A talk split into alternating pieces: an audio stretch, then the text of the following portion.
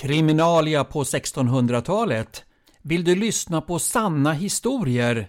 Olika rättsfall som handlar om mord, dråp och dödsdomar runt omkring på Falbygden.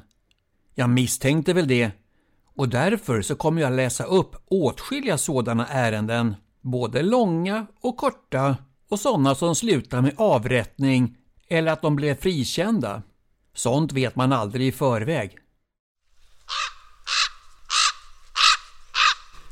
Kriminalia Rättsfall från Falbygden runt mitten av 1600-talet som berör mord, dråp och dödsdomar. Denna gång gäller det Vilske häradsting den 9 februari 1650.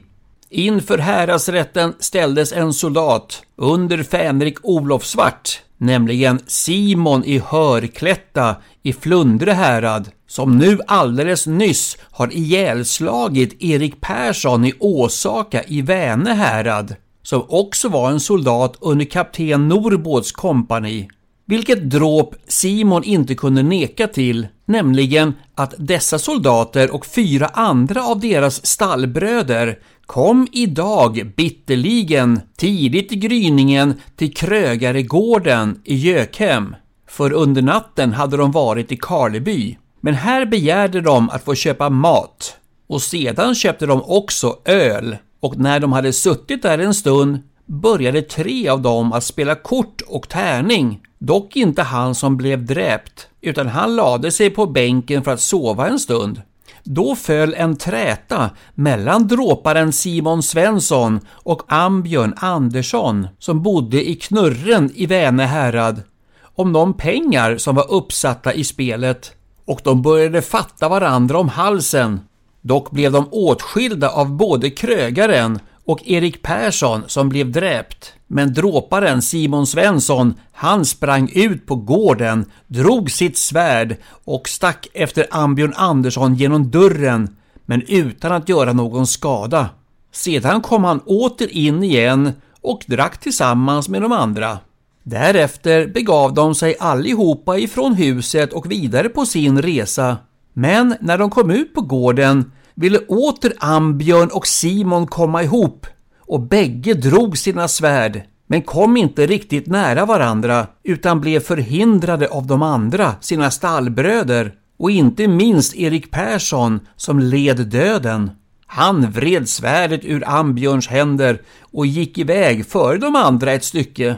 När de kom ungefär ett muskötskott, det vill säga 225 meter ifrån Krögaregården, hindrade Ambjörn de andra och tog tillbaka sitt svärd av Erik Persson. Och strax när han hade fått det igen gav han sig ihop med dråparen Simon. Och de högg häftigt på varandra. Men Erik Persson som hade en påk i handen, han gav sig emellan för att skilja dem åt och slog först under det ena svärdet och så under det andra. Men när det ändå inte ville sluta drev han Simon baklänges med sin påk vid pass 6 eller 8 famnar, alltså ungefär 12 till 14 meter, och slog honom åter med påken. Men Ambjörn han följde efter. Just i detsamma föll Erik Persson baklänges och hade fått en skada av Simon Svensson nämligen ett svärdstick mitt under bröstet så att han strax var död.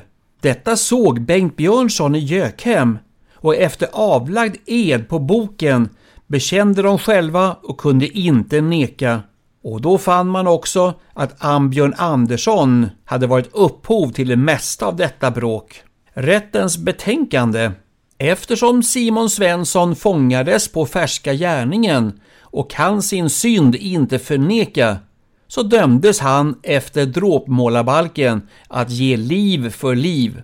Och eftersom Ambjörn varit med och vållat detta dråp kunde inte heller han enligt det 18 och 20 kapitlet i samma balk befrias. Målet hemställs den höglovliga kungliga Göta hovrätten.